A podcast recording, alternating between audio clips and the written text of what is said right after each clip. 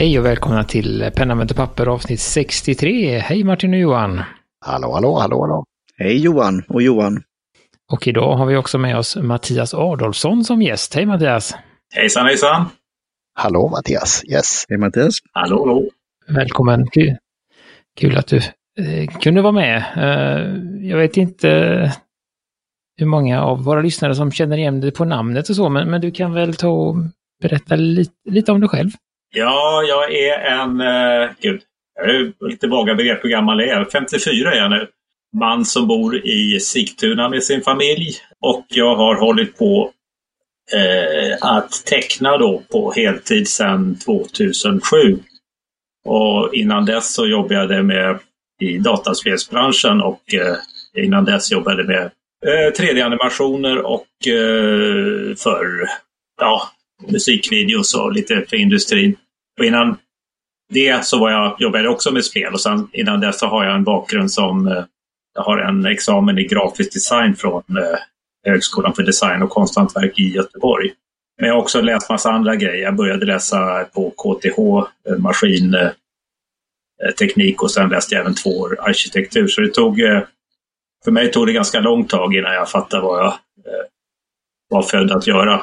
Så att eh, det var en lång och eh, ganska komplicerad väg till det jag gör nu, kan man säga. Mm, det var inte riktigt den vägen syokonsulenten hade, hade gett dig råd att komma dit liksom. Nej, alltså för när jag slutade skolan, liksom att kunna livnära sig som eh, illustratör, det var ju, ja, det var inte riktigt vad man skulle göra utan man skulle bli ingenjör eller något sånt där. Och jag var jätteduktig på matte och programmering och sånt där och fysik. Och de grejerna jag var bra på. Så att eh, jag trodde på det, så jag körde på det. Men eh, det är väl egentligen först när internet kom som jag fattade att ja, det här går ju faktiskt att styra helt själv. Och, eh, jag behöver inte lyssna så mycket på andra egentligen. Och jag eh, gjorde ju lite, som sagt, det var ju en eh, en önsk, önskegäst från en av våra tidigare gäster som, som, också, eller, som också målar och så som är, som är konstnär. Och eh, jag börjar ju eh, kolla, göra lite research på det och följa dig lite och, och eh, också skaffat en kurs som vi ska prata lite mer om senare då. Men då, då märkte jag ju ganska fort att eh, det var många frågor om din penna som du ritar med i alla sammanhang och ja. jag såg, såg även din livestream när du eh, sa välvalda ord på svenska. Eh, när vi frågade, när de frågade om bläck. Ja, det var den jag, jag råkade spela bläck på mig själv. Jag tror att jag fick, det var tionde gången jag fick den frågan på den live. Och då, till slut så blev jag lite irriterad. Sånt så jag tänker att jag inte ställer den frågan utan jag säger istället och så går vi in, kommer det komma lite fullfrågor då på. Du har ju valt att eh, måla med en reservoarpenna som är en Pilot Falcon heter den och så har du en extra fine spets och så har du valt eh, Diamantris Documentus svart som är ett eh, beständigt, beständigt, vattenbeständigt bläck helt enkelt. Um, ja. Kan du Uh, har du liksom, varför valde du just den pennan? Vad var det du liksom? Uh, det var när jag gick på arkitektur så hade vi en föreläsning och då uh, det var väl något, ett ämne som hette skissmetodik där man skulle lära sig ja, skissa, alltså skissa hus då. Men, och då var det en lärare som då pratade om att reservoarpennor, det var, det grejen det. Och då hade jag fått lite pengar över så att jag köpte en eh, Montblanc-penna, eh, Meisterstyck. Och jag blev genast sådär, ja men det här är ju det jag ska köra. Så jag fortsatte bara med det. Men sen så blev det inte så att jag blev arkitekt, men jag hade ju kvar den där pennan och ritade väl egentligen hela tiden.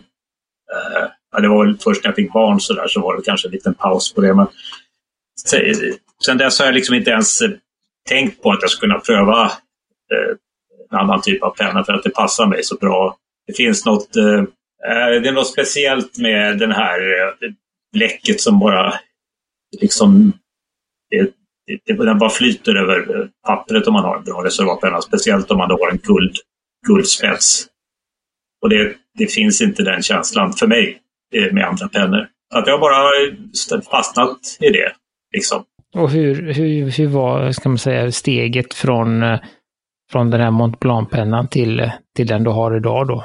Eh, ja, det där, jag jag livnärde mig massa somrar på att teckna av hus i, i skärgården sådär. Eh, och då hade jag, jag tappade den där pennan massa gånger i marken och fastnade i golvet. Och, så den var inte så himla jättebra då när jag skulle starta om min, min, tecknings, min tecknande igen. Och då gjorde jag väl lite marknadsundersökning och då köpte jag då först, då hette det inte Pilot Falcon utan jag köpte min första sån penna som hette Naviki Falcon. Sen köpte Pilot upp det märket.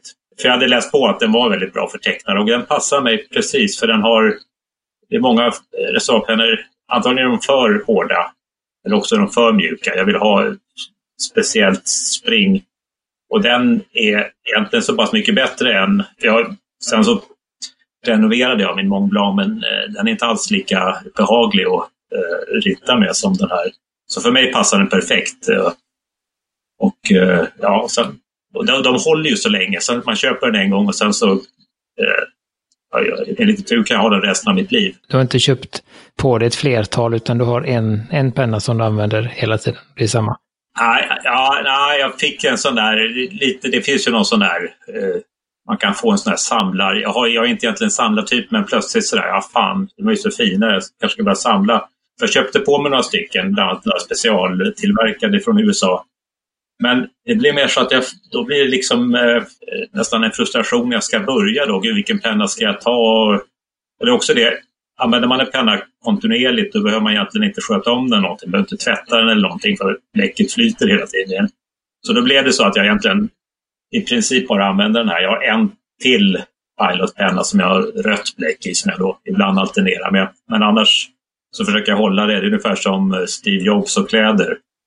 Att så få val som möjligt. Liksom. Så att eh, en penna och så ett papper och så inget mer. Liksom.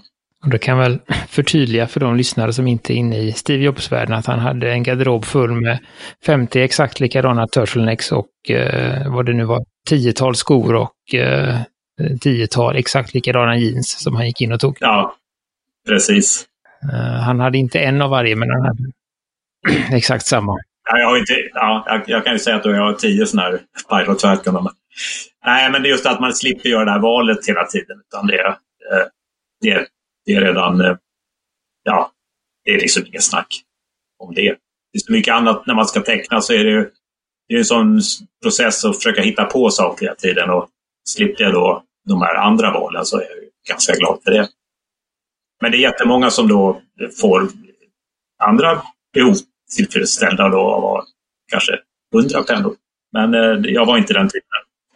Men jag har en jävla massa pennor som ligger och skräpar hemma, det kan jag säga. Jag tänkte lite samma där med, med, med bläcket. Eh, jag förstår ju, eh, med tanke på att du, du ritar, eh, inte vad, vad, vad kallar du det? Ritar du, målar du, skissar du? Vad, vad... Ja, rita, rita. Eller teckna säger jag.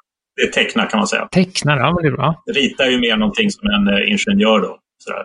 Nej, du, du tecknar med, med reservoarpenna och sen så färglägger du med, med vattenfärger och då, då är det ju eh, förståeligt att du behöver ett, ett vattenfast bläck. Men, men varför blev det just eh, detta från dia, Diamantris? Har du samma där? Har du testat andra eller vad? Ja, så det är en process då. Att det, när jag började då med, eh, när jag sa upp mig då från spelköret då 2007, så samtidigt så, då för, när jag ville använda akvarell då, då för de, det som var sagt förr i tiden det var att man kan inte ha permanent bläck i en eh, reservoarpenna.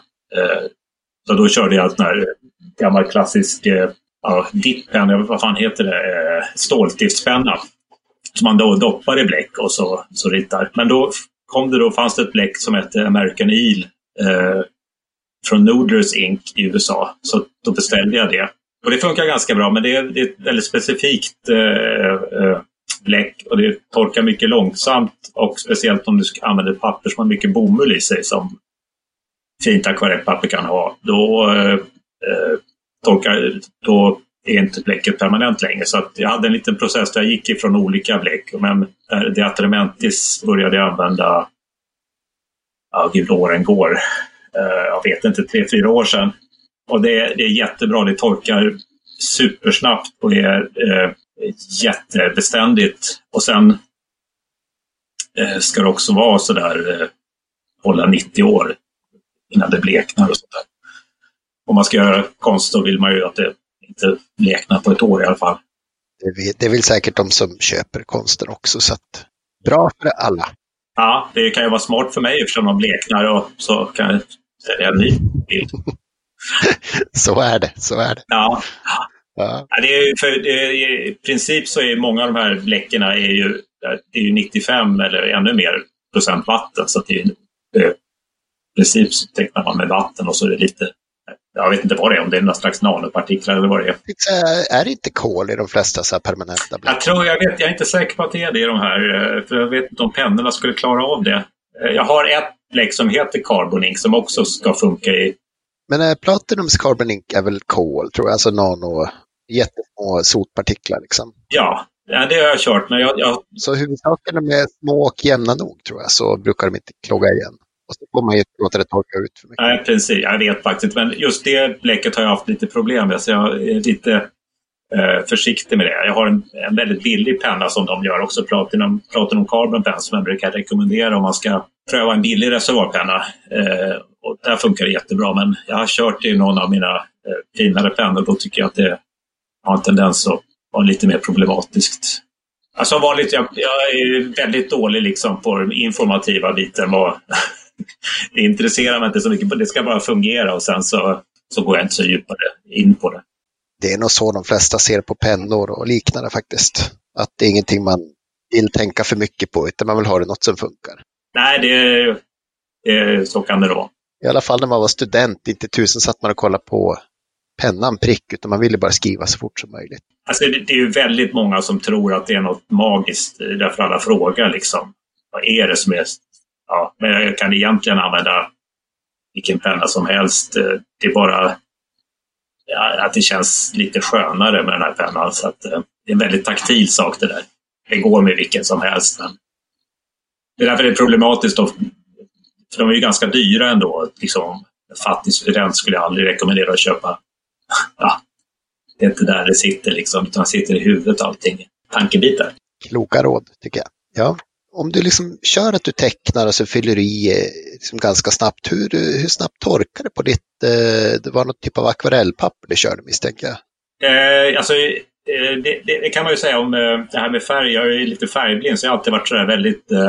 Jag var jätte, tog väldigt lång tid innan jag började använda färg överhuvudtaget. Ja, ja, ja. Men så känner jag att ak akvarell är något sånt där, det är... Jag kan inte riktigt styra över det själv, utan det blir lite som det blir. Och jag använder väldigt lite vatten, jag är inte alls eh, sådär eh, en stor kolorist, utan det är väldigt, väldigt lite vatten. Och då torkar det jättefort, så att det kan till och med funka när jag kör en sån här live-feed, att jag i princip gör klar en hel bild bara på några minuter, för att jag använder så lite vatten. Medan andra såna här eh, riktiga stor akvarellfräsare, de dånar ju på jättemycket vatten och då får man ju låta det torka. Och, eh, så jag är ju egentligen, man kan säga att jag är en riktig fuskare när det gäller just den här akvarellbiten. Men jag gillar, gillar liksom den effekten.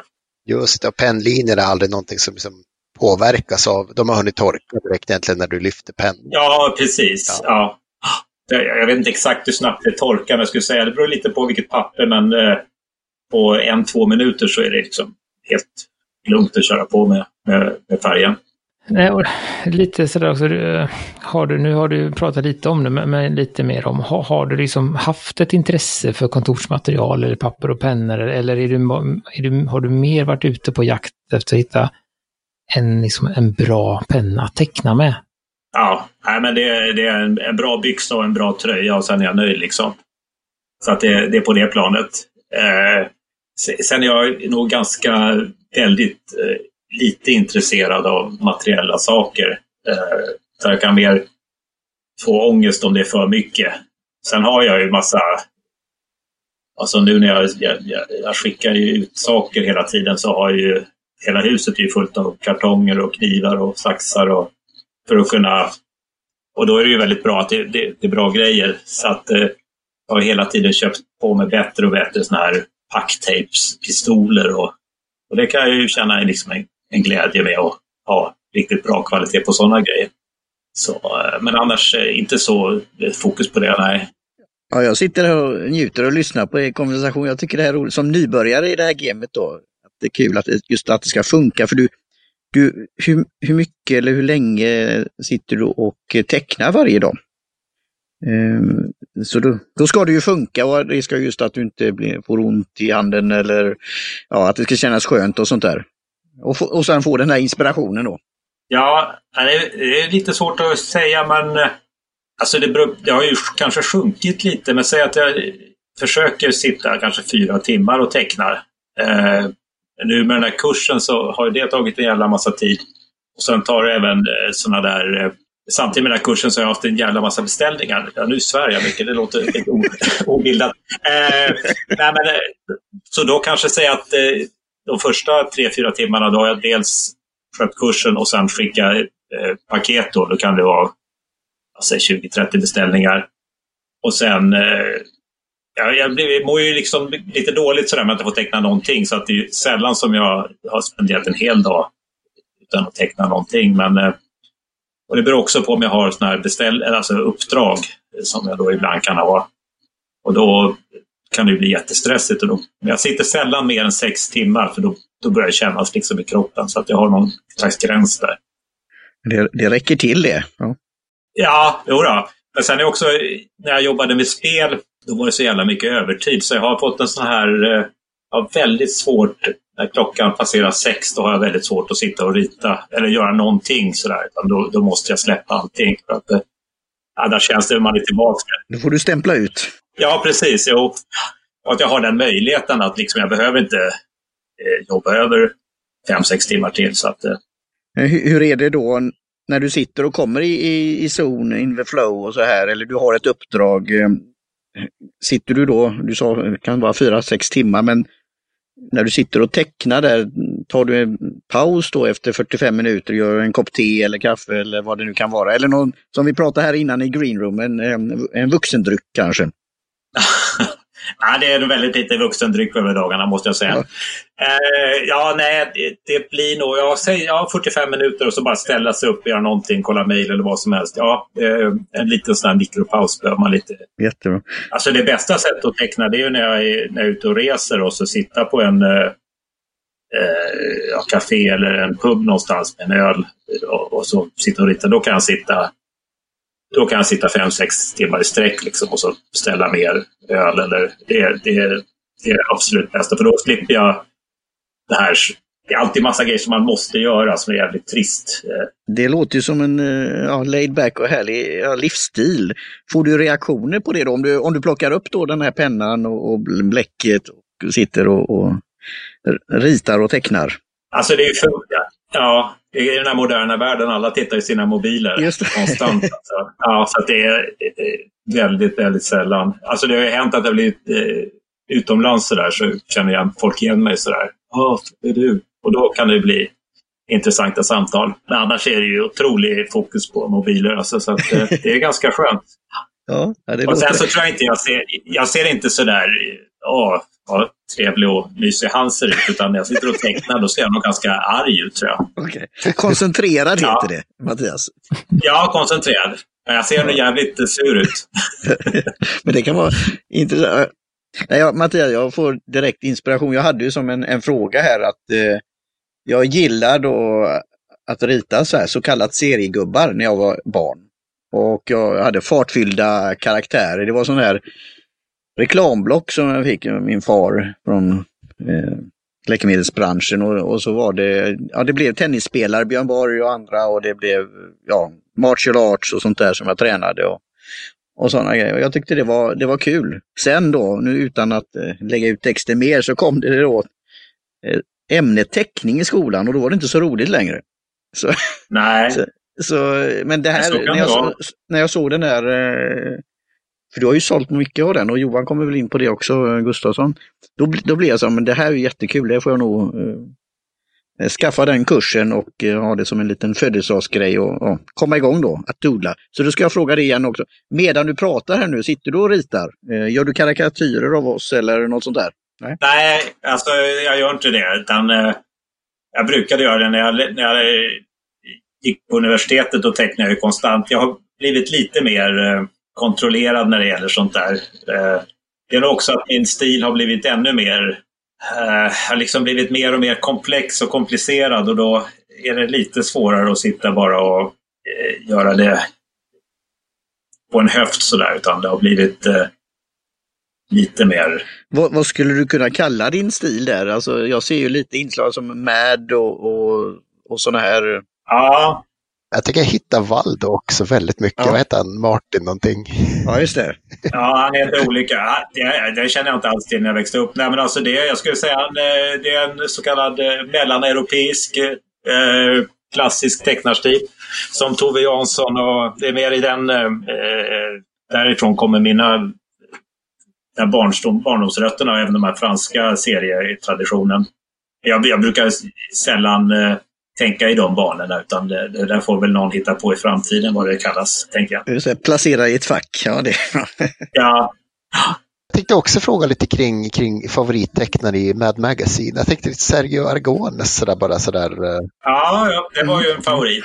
Jag tyckte ja, cool. jag alltid, jag alltid tyckte, alltså min eh, morfar hade gamla sådana här 50-tals-Mad hemma. Som jag, det var ju fantastiskt. Han var en stor sån här amerikofil.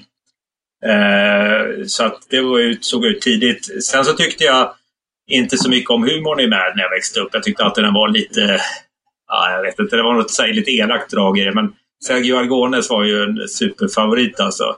Och de här eh, film... Eh, nu dog han alldeles nyss, jag kommer inte ihåg vad han heter. Eh, han som ritade de här film... Just det recensionerna eller vad man ska kalla det. Ja, just det. Ja, det var som, eh, man, man, man behövde inte se film utan man bara läste då hans serie. Nej, det var det jag menade. Jag tyckte det var bra.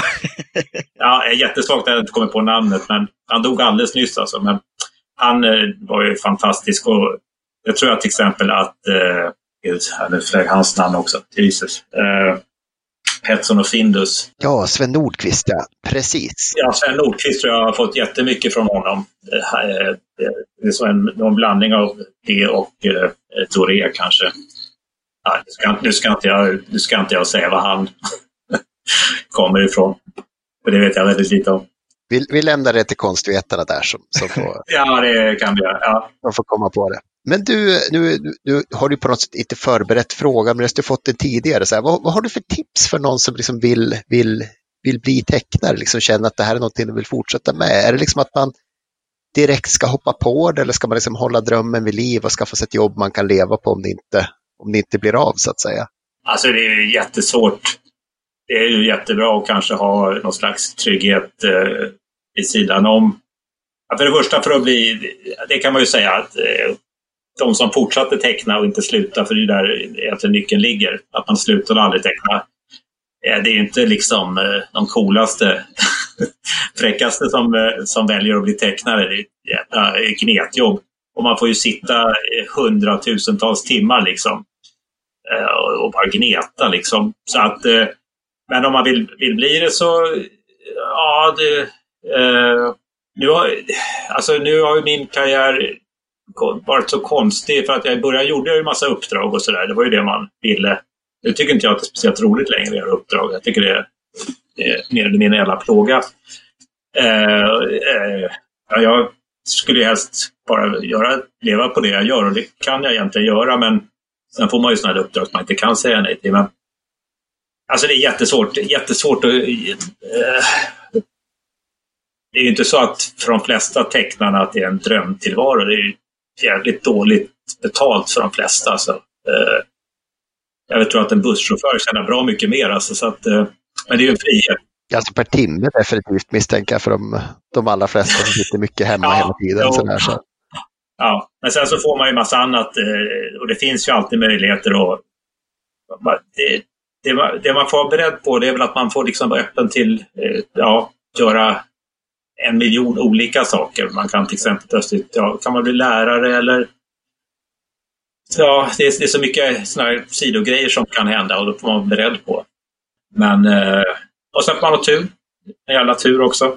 Det, det, det har liksom varit så rakt igenom hela min karriär så, så det har alltid varit något sånt där. Varje år har det blivit ett jobb sådär som, åh, fan hade inte det där skett då hade det gått åt pipan. Men så har det känts nästan varje år. Men det är kanske så för många frilansare överhuvudtaget. Du, jag tänkte på det, du, du nämn, jag tror att i, i kursen du nämner där att, att, eh, att om man är ung och liksom vill, ja, vill framåt jobba med det här så säger du att man inte ska göra någonting gratis. Eh, kan du liksom utveckla det lite? Hur du tänker? Nej, man ska ju aldrig... Det, det, det är ju jättemånga, jag har liksom inte själv varit med om det, men när du håller på då och man, man kanske får lite uppmärksamhet, då är det jättemånga som vill att man ska göra, ja men det här är en jättebra chans för dig att det här, gör det här jobbet, du kommer få otroligt mycket uppmärksamhet och det kommer bli ett jättebreak för dig. Eh, det är sådana grejer man inte ska, man ska vara väldigt försiktig med sånt. Men däremot då kan man ju göra sådana här grejer eh, om det finns någon slags, om det är någon, det är helt klart att det är inga pengar men det kan vara välgörenhetsgrej eller en skoltidning, då kan jag tycka att det är en annan sak. Liksom, för då, då är det helt klart från början. De säger inte, lovar inte gröna, guld och gröna skogar utan det här är liksom en skoltidning, då är det en annan sak. Men det är som vilken annan hantverkare eller frilansare som helst, man, man kan inte jobba gratis. Det går inte liksom. Jag gick, går fram till en vägarbetare, men den här vägen, jag gör du den, det kommer bli ett jävla break för det. Alltså. Det kommer synas väldigt bra. Alltså. Det är inte så det funkar, så att det får man vara lite försiktig med.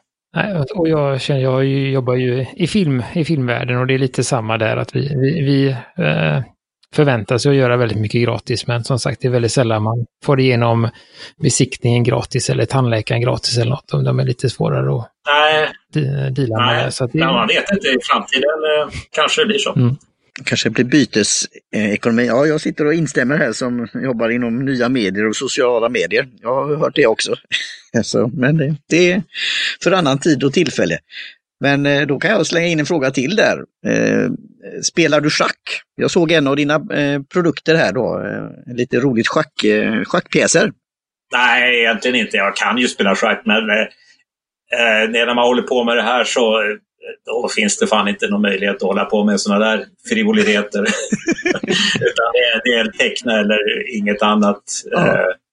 Ja, men där har du ju den, eh, han eh, norrmannen då, Karlsten, som nu har blivit eh, vuxen. Han, han hittar nya möjligheter här nu med schacket. Just simultan och på nätet och gör det, går utanför ramarna. Men det var lite det jag tycker är intressant, för det var väl, är det Hasse, Hasse Alfredsson, jag tror han gjorde ju en en tv-serie just om schack och då var det de här eh, pjäserna och just att de var lite roligt eh, for, eh, skapade och så här. Så jag, jag, kunde direkt när jag såg den här tyckte jag, ja men det var kul när, var, när var det? Ja, det var länge sedan. Jag försökte söka på det där SVT Play, för de såg ju att det ska finnas i arkivet. Nu är vi lite utanför ämnet kanske Martin, men det finns ju öppet arkiv på nätet och där hittar man rätt mycket som inte finns i appen. Som är okay. liksom typ Ja. Eh, skrotnisse ligger där till exempel som är ja, då ska favorit där hemma. Då får jag göra det. Tack, tack Gudmundsson. Jag hittar den här på öppetarkivet.se så finns eh, schack eh, med Hasse Alfredsson. Så att, där finns den. Det finns i show notes förr eller senare. Ja, jag kan säga det med, när jag får de här idéerna så är det, det är liksom eh, eh, Ja, nu ska jag inte säga det i dagens läge, men jag skulle säga att det är som en, jag säger som en bakterie då, för att bättre. Så det, då, plötsligt så bara så ritar jag någonting, ja, det ser lite ut som en schackpjäs och sen så kör jag på det. Eh, så så det är väldigt sådär sällan som jag liksom tänker nu ska jag göra det här utan det är någonting som, ja, plötsligt så, så ja just det, jag kan göra det här. Och så gör jag en och då är jag liksom låst där, nu måste jag fortsätta på något sätt. Så att det är väldigt, eh, finns ingen plan på något sätt. Har du tränat den här förmågan eller är det något som ligger och, och bubblar så i dig att det kommer upp? Eh, det är alltid svårt det där när, när man ska... Jag, menar, jag känner bara till en hjärna och det är min och den råkar funka så här. så att, eh, eh, ja antagligen är det så. Den är, jag, har alltid haft... Eh, det var ju samma sak, jag var jättebra på matte och programmering. Det är någonting som... Ja, jag vet inte riktigt vad det är. Det är någonting. Den är mer matematisk än konstnärlig tror jag. Och det tror jag man ser i mina bilder. Kreativa hjärnan, man kan ju se som en del i liksom skapande och det gäller tolkande. Och liksom det kan vara lite sådär, ja men nu blev det lite åt det här hållet, undrar om man fortsätter på den här biten. Ja. Det finns en fantastisk sida, This is not a person, eller sånt där, This is not a cat finns också. Där har du så neurala nätverk som har typ sett en massa bilder på människor och sen börjar de rita och så 90 procent är ju när det här varit dåligt ungefär, att man liksom får någon självkritik. Och ansiktena ser väl riktigt bra ut, katterna ser läskiga ut. Men eh, det är fortfarande liksom en, en, eh, en dator som sitter och ritar människor som inte finns. Ja, just det. De här människorna jag har sett, de är ju otroligt, eh, väldigt eh, trovärdiga. Men eh, ja, det är ju lite... Jo, och så var hundrade har fyra ögon eller något sånt där så det blev lite konstigt. Men... Nej, det får man vara rädd för i framtiden. Då kommer de eh, göra mycket bättre bilder än vi människor tror jag. De gör nog bättre musik och allting också. Det vet vi inte. De är i alla fall bättre på att lyssna på den. De kan lyssna på mycket mer musik än vi. Ja, det kan de göra. Snabbare och allting sådär. Så. Nåja. Ja. ja. Vars var vi nu? Jag det var något där. Jo, det var precis att du, du började och sen så, så såg du vad det blev. Liksom. Det är väl det som gör att jag har lite svårare med då när man får uppdrag. Att, för då måste man liksom, eh, ja, då, då är det ju den där processen man ska bilda, göra en skiss innan och det är liksom en process fram och tillbaks. Och eh, det får jag väl lite svårare och svårare och, tycker tycka är jättegivande. Men sen har jag haft några fantastiska kunder så att det, är, det är liksom stimulerande på ett annat sätt också. Så när man ska förklara vad man gör så är det alltid bra att säga eh, vilka man har jobbat för. Så där, och, jaha. Då fattar de att jaha, det är ett viktigt jobb. Det är inte... Nej, just det. Det måste väl eh, Gustafsson du känt när du eh, gjorde research, för vi går ju ofta in i det här som, som det är. Och, och ja, det var ju imponerande att se vilka uppdragsgivare så du har haft. Och då tänkte jag fråga där, det här eh, plattformen då, Behance, som, eh, är den, ingår den nu i Adobe eller, eller nu kanske jag säger fel? Men... Ja, Adobe köpte upp dem för några år sedan. Eh, och de har ju skrivit mycket intressanta böcker just om entreprenörskap och skapande och så här. Och där hade du ju väldigt många där eh, uppdrag och betyg och sånt där. Kan, eh, har, hur har det funkat för dig där som frilansare? Ja, det har funkat väldigt bra. Det är också sådär, ibland har man tur. Jag vet inte, det är någon där som sitter och eh, redan tidigt gillade mina grejer så att då kan man liksom bli eh, uppsatt på deras första sida och då har det, sen dess har det liksom bara rullat på. Så att, eh, för mig är det väldigt svårt att veta varifrån kunderna kommer sådär men jag har en känsla av att ganska mycket av de här stora amerikanska eh, det, annonsbyråer och sånt där, de kommer säkert därifrån. Så att, ja, men det har varit väldigt, eh, väldigt givande för mig. För det är jättemånga som lägger upp grejer nu och ingenting händer. Så att, och då är det väldigt svårt så om folk frågar mig vad ska man göra? Ja, inte fan vet jag.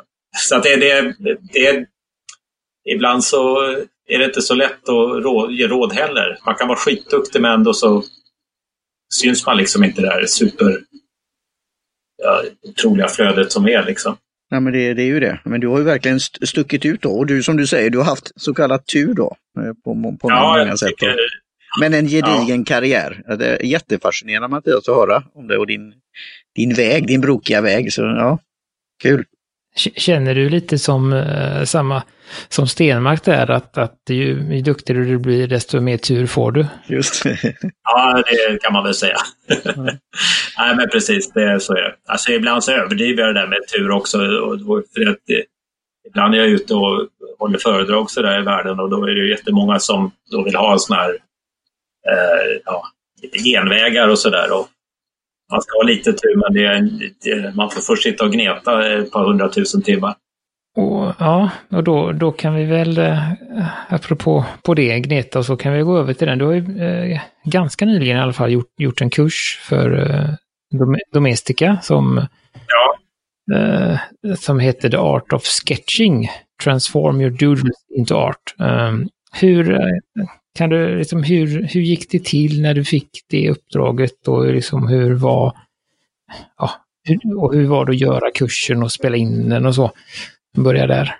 Nej, alltså, eh, vad heter det här stora Tarsen? Jag gjorde något samarbete, eh, var med i någon Tarsen-bok för några år sedan. Och då är det tydligen han som eh, var då förläggare för en av de böckerna jag gjorde där, eh, var en fan. Och då fick jag ett brev. För Domestika har egentligen jag bara gjort kurser åt den spanska marknaden förut, men nu ville de bredda sig och då göra göra engelska kurser också. Så då kontaktade han mig i början, jag minns inte om det var år eller förra året, det spelar inte så stor roll. Men i alla fall så, alltså jag tycker det är otroligt svårt att, att lära ut. För det, det, det är en sån, eh, jag tänker verkligen jättelite på hur jag gör saker, utan det är bara någonting som sker. Eh, för det mesta tycker jag att jag gör precis som jag gjorde när jag var barn. Jag satte mig framför ett vitt papper och sen så bara rita. Och det är precis så jag gör nu också. Så för mig så är det inte alls någonting som faller sig naturligt att lära ut. Men eh, jag har gjort det. Jag har haft massa eh, workshops i eh, ja, princip över hela jorden. Så att jag tyckte när jag kör på, jag fick väldigt, de var väldigt duktiga sådär, det var otroligt professionell organisation så att eh, eh var en lång process, vi höll säkert på en månad fram och tillbaks med olika papper hit och dit. Och I princip när jag kom dit så gjorde man om allting från början. Men jag var där precis då innan hela den här virusgrejen har, har skett nu då eh, i början av februari i Madrid under en vecka och det var, eh, ja, jag tycker det är inte lätt att sitta framför en kamera och det är så jag brukar inte ha problem att rita framför kameran, men där hade jag det. Men det, de var jätteduktiga och vägledde mig jättemycket. Eh, och sen eh, så åkte jag hem och eh, sen så har vi de klippt ihop det och eh, nu har den legat ute och det har visat sig vara deras mest, eh, den kursen har sålt mest, eh, har mest elever någonsin av alla deras kurser under en månad. Så att har slagit alla rekord under en månad som den legat ute. Så jag är helt eh, superförvånad. Och eh, det har ju visat sig vara en otroligt bra affärs. Speciellt nu när liksom, ekonomin är så osäker så har det gett mig jättetrygghet i början av året. Så att, eh, jag är fantastiskt nöjd. Och otroligt eh, gensvar från elever. Men nu har jag i princip suttit, eh, de första tre veckorna satt jag i princip eh, 6-7 timmar och eh, ja, kommenterade och eh, sådär på, på eleverna. Så att, det har varit jättegivande. Men det är ingenting jag finner som är ett kall eller att någonting som jag finner enkelt. Eh, inte alls som jag, jag finner ju ritandet enkelt och skapandet enkelt, men lära ut tycker jag inte är speciellt enkelt, men det verkar ha funkat ändå. Nej, men, eh, ja, den, den har ju över 10 000 elever där, så det, det är väl riktigt... Ja, det är 13 000 nu. Oj, ja. Så, eh, samtidigt som vi har pratat här så har det säkert rullat på tusen till. Nej, nej men det har det inte, men säkert, eh, säkert hundra till. Så det... Ja. Nej, men så jag, jag eh, var ju en av de sakerna jag hittade. Jag var, och det är väl också lite med, med den här turen då, att, att, vi var, att jag valde att liksom leta efter dig just nu. För nu hade du den här kursen och jag skaffade kursen och, och, och jag tycker väl att eh, jag, jag, tror att, att det i, i de här sammanhangen då, jag är ju ingen, jag är ingen liksom, jag har, jag har inte riktigt skissat eller tecknat så mycket så att jag är väl inte riktigt, äh, inte riktigt där än. Och jag tyckte väl att det var skönt med din kurs, att du på något sätt inte, för oftast när man ska liksom lära sig att teckna eller så, här, så, så är det någon som berättar hur man ska göra. Ja. Äh, men du gör inte det, utan du bara gör. Och så säger man kan göra så här och så, och så kan jag liksom ta till, jag, för mig så känner jag att det blir liksom inte den här liksom prestationen utan det blir mer en, en kul grej. Uh, och det tror jag väl är en stor del i att, att den har blivit så uh, framgångsrik. Just att det är inga...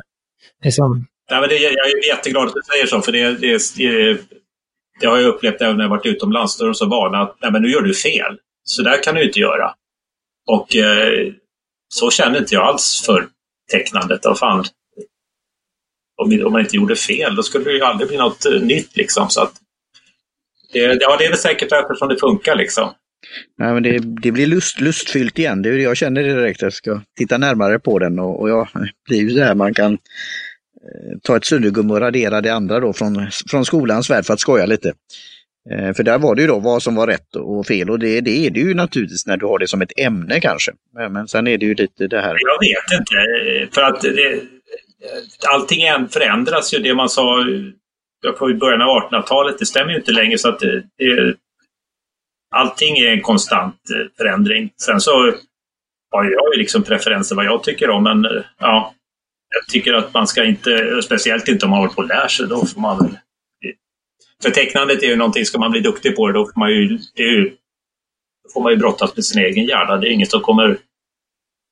Det gäller ju allting man lär sig, men, men det är väldigt specifikt. Man får hitta sin egen stil och sådär. Det, är, det är inget som kommer säga att hur man ska göra det, utan det får du hitta på själv. Liksom. Och är man inte så kreativ, då, då funkar man ju inte liksom, som tecknare professionellt i alla fall. Sen så kan man ha det... Det är en otroligt... Jag tror att många människor skulle må bra även om man inte gör det liksom som, som arbete så är det, det finns en väldigt meditativ kraft i tecknandet. Ja, du har en poäng i det. Vi har ju pratat med, med andra om, om detta då. Eh, på fascinerande saker. Så det, det här Centangle till exempel och, och så. så. ja, jag, tycker det är väldigt eh, kul att höra om, om det här faktiskt. Nej, och, och, vi har ju varit, var ju, har ju varit nuddat lite vid det. Jag tänkte fråga hur det, den här på, alltså, rådande situationen med, med pandemin och så påverkar dig. Men, men för du, eh, som jag förstår det, så klarar du dig eh, alldeles ypperligt på grund av beställningarna från kursen och intäkterna från kursen och sånt. Ja, jag har ju sedan några år så jobbar jag med en fransk firma som gör barn, eh, barnfiltar och barn... Eh, så här kläder. Ja, kläder. Jag gör eh, mönster och sånt för dem och de säljer över hela världen. Och eh, royaltyn från dem eh, och de böckerna, de originalen och eh, tryck eh, som jag har sålt har ju i princip räckt till eh, mitt uppehälle förra året. Det, sen så trodde jag att det skulle sjunka ner då, men sen så kom den här kursen och då har min shop också den har ju sålt helt fantastiskt. Sen så är det jättejobbigt med, med att eh, postgången är något otroligt långsam så att jag får ju samtidigt ha en diskussion med alla som jag skickat till. 200 människor liksom som man ska... Jag vet inte vad paketet är. Men det har börjat komma in sådär men det är ju fem, sex veckors minst liksom, leveranstid och det är lite jobbigt.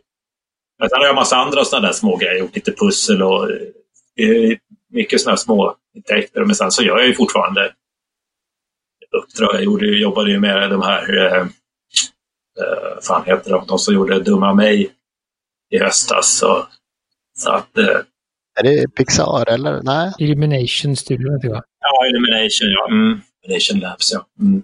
Så att, och jobbat med jättemånga av de här animationsstudierna i USA. Så att, eh, jag gör ju fortfarande uppdrag också. Men det är klart att eh, uppdrags... Ja, nu, fick jag, nu ska jag jobba med en eh, stor amerikansk musikartist också. Så att kommer in...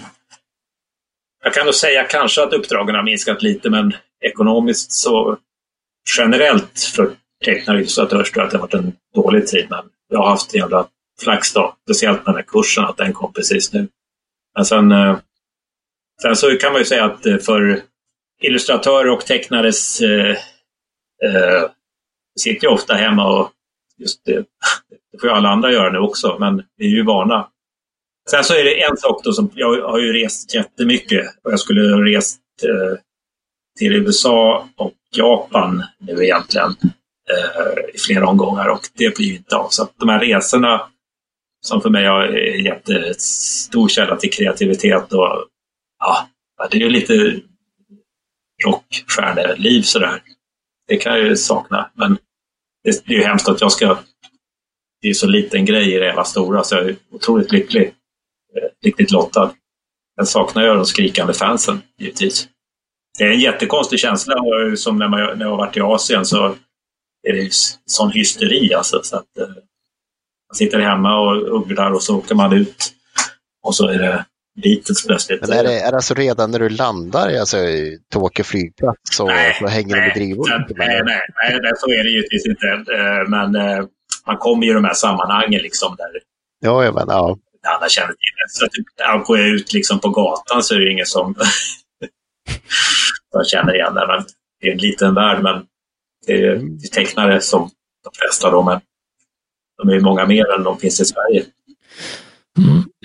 Men vad, vad skulle du säga i, hittills är det största ögonblicket i, i karriären? Uh, nej, det, det största är ju det här att jag liksom nått den här punkten då jag är mer eller mindre självförsörjande. Det, det känns ju inte sådär, uh, oj, det var ju inte så spännande. Men sen det var ju det är liksom en lång pärlbragd, det som sker sådär successivt. Det första gång jag fick eh, New York Times illustration så var det en jättestor grej för mig och sen när Disney kontaktade mig var det en stor grej. Sen så är ju båda de är ju inte alls sådär att man ekonomiskt, ja, New York Times det är ju inte speciellt bra betalt men det är häftigt att vara där liksom och The New Yorker och och sen eh, gjorde jag en sån här konstnärlig utsmyckning för Karolinska sjukhuset och det var ju häftigt sådär. Men det, det blir liksom, eh, det är som en, det är som en ja, även när man var utomlands första gången, alltså där hade jag med på festivaler var det också skoj. Sen vann ju eh, en av mina böcker vann ju Sveriges vackraste bokpris i Sverige och har ju vunnit otroligt mycket priser utomlands. Så att, eh, det är liksom eh, en, väldigt långsam, långsam stegring sådär. Som hade jag hört det liksom för då 13 år sedan jag började så hade jag, äh, det är. Men eh, sen blir det bara det verklighet, men det är ju jättespännande. Det, är ju, alltså, det händer ju sådana där grejer som man inte riktigt fattar på åtminstone inte en ja, veckodags så får man ju liksom sådana där otroligt mejl. I början så tänkte jag nej, nu måste ha skickat fel, men nu, nu det var en av, de, en av de rockband som jag verkligen var jättefan av då på 90-talet har ju kontaktat mig nu och vill göra, jobba med mig och det kan jag inte säga vilket det är, men det känns ju jättestimulerande. Sådär. Jag har ju jobbat jättemycket med ett amerikanskt rockband som heter Dance Gavin Dance då, som jag kanske har lite svårare med eh, musikaliskt. Men nu när jag vet att ett eget favoritband så känns det jätte, jätteskoj. Sådär. Tills jag får uppdraget, då kommer jag tycka att det är en jävla plåga. Nej, nej. Det beror på hur de är som kunder. Ja, det var int intressant och, och, så. Jag vet inte om någon av Martin eller Johan har några mer frågor här. Jag, jag är nöjd än så länge. It's all good. Tack så mycket Mattias. Det var väldigt eh, ja, var kul att prata med dig och spännande att du, du har delat med dig och att du har tagit den här tiden. Och jag hoppas du, du får... Ja, det var roligt. Jag sitter i tystnad här jämt så att det är sällan jag får använda mina tal. Och ska jag prata så är det ofta på amerikanska och det... Ja, vi tar det next, the next time så blir det på amerikanska. Ja, jag pratade, jag var in, hade en engelsk intervju för några dagar sedan här. Ja, du har ju mina, våra uppgifter där, så att om du behöver prata av det på svenska om ett tag igen så är det bara att höra av dig. Så. Ja, då ringer ja, det är jättebra. Ja, det var jätte, jätteroligt. Ska du avsluta med, vi har ju pratat om kursen, men är det något annat du vill eh, liksom sälja in från dig själv Mattias? Ja, var finns du i cyberspace Mattias? Jag finns överallt. Jag har så många sidor så att det går inte ens att...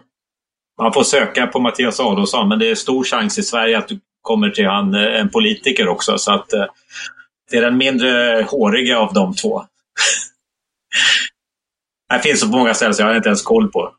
Så fort det kommer ett socialt nätverk så skaffar jag det och sen så... Ja, jag såg, du hade ju väldigt fint på din webbplats där, eh, just alla de här. Och, och det var så jag såg den här Behance. Så, ja. Mattiasadolfsson.com är det va? Ja, ja. Eh, jag har SE också, det är en superantik sida så att, eh, jag vet inte ens varför jag har kvar den. Det är lite roligt sådär.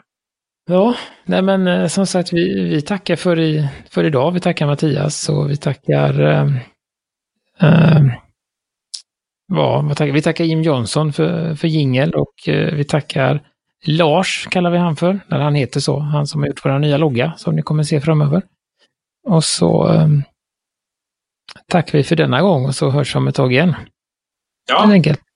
Yes. Tack så mycket. Tack så mycket. Hej.